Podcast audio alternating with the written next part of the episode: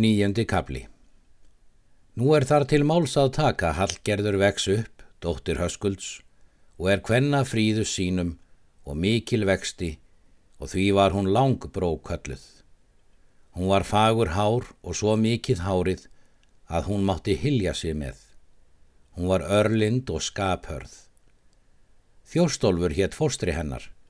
Hann var söðreiskur að ætt, hann var styrkur maður og vígur vel og hafði margan mann drepið og bætti engan mann fjö.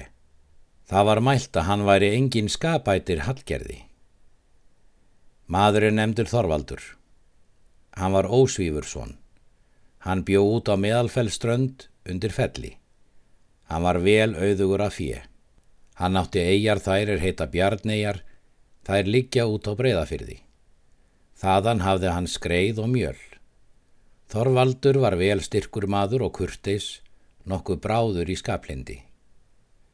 Það var einu hverju sinni að þeir feðgar rættu með sér hvar Þorvaldur myndi á leitum kvonfang, en það fannst á að honu þótti sér óvíða full kosta.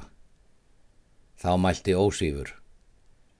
Vilt þú byggja Hallgerðar langbrókar, dóttur Höskulds? Hennar vil ég byggja, segir hann. Það mun ykkur eigi mjög hend, sagði ósýfur. Hún er kona skapstór, en þú ert harlindur og óvægin. Þar vil ég þó áleita, segir hann, og mun mig eigi tjó að letja. Þú átt og mest í hættu, segir ósýfur. Síðan fóru þeir bónorsför og koma höskuld staði og höfðu þar góðar viðtökur. Þeir rættu þegar erindin sín fyrir höskuldi og vöktu bónorðið. Höskuldur svaraði.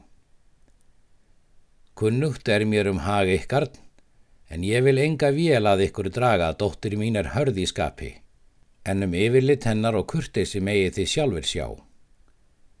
Þorvaldur svaraði. Ger þú kostin, því að ég mun skaplindi hennar eigi láta fyrir kaupi standa. Síðan tala þeir um kaupið og spurðu höskuldur dóttur sína eigi eftir því að honum var hugur á að gifta hana og urðu þeir ásáttir á allan kaupmála. Síðan rétti höskuldur fram höndina en Þorvaldur tók í og fastnaði sér hallgerði og reið heim við svo búið.